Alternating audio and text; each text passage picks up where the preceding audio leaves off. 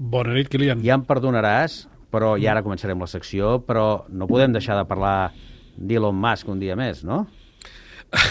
no, és que cada, cada dia em fa una de nova. Potser Cert. hauria, hauríem de fer una subsecció Musk dins de la secció. Potser sí. Va, anem a les coses d'avui d'Elon Musk. Eurecat, centre tecnològic de Catalunya. Innovant amb les empreses. Innovant amb tu. Avui un fet que li podríem dir perfectament efecte dominó.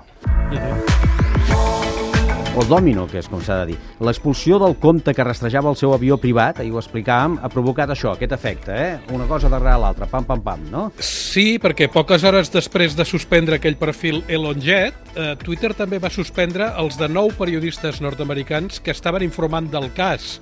Eh, suposadament ho, feia, ho han fet, eh, la suspensió aquesta, aplicant el canvi express de reglament, que també vam comunicar ahir, que no permet difondre l'obligació de persones en temps real. Eh, es va muntar un enrenou tan gros que el mateix Musk va fer una enquesta als seus 120 milions de seguidors demanant-los si havia d'aixecar immediatament la suspensió amb aquests periodistes o bé els havia de fer patir uns dies més.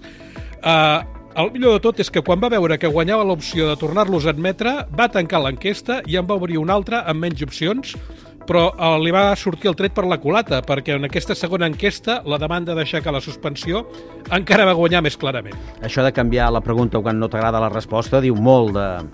Vaja, diríem de la manera d'entendre la democràcia, per dir-ho suau, de Musk, eh? En tot cas, ja ha disparat les alarmes entre les autoritats, sobretot les europees. Sí, perquè tant la vicepresidenta de la Comissió Europea, la Vera Jourova, com els ministres francesos d'Afers Digitals i d'Indústria i també el ministre alemany de Justícia s'han declarat formalment molt amoïnats per aquesta suspensió de periodistes i diuen que vulnera la llibertat d'expressió. Arrel d'això, eh, alguns governs europeus ja han posat les barbes, diguem-ne, remullar.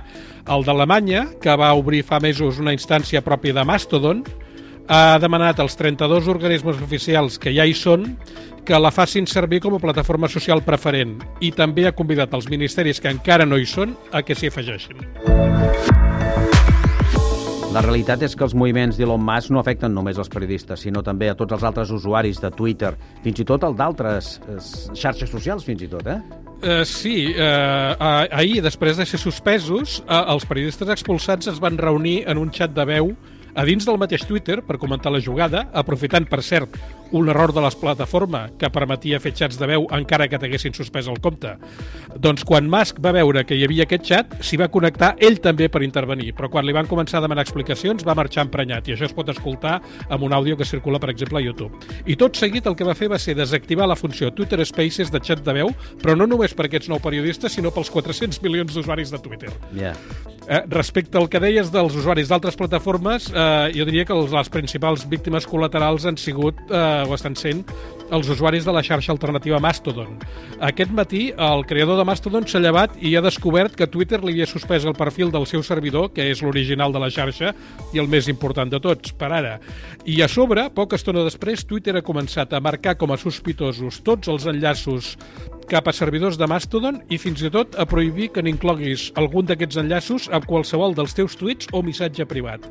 Resultat, eh, un altre allau d'altes de nous usuaris a Mastodon. Van a raó de 3.000 per hora i avui, per tant, s'espera que, que s'hi apuntin 75.000 persones, que de fet no són el quart de milió d'aquell dia que va eh, Musk va desembarcar a Twitter, però déu nhi Sí, sí, comença a haver-hi una certa onada aquí, eh?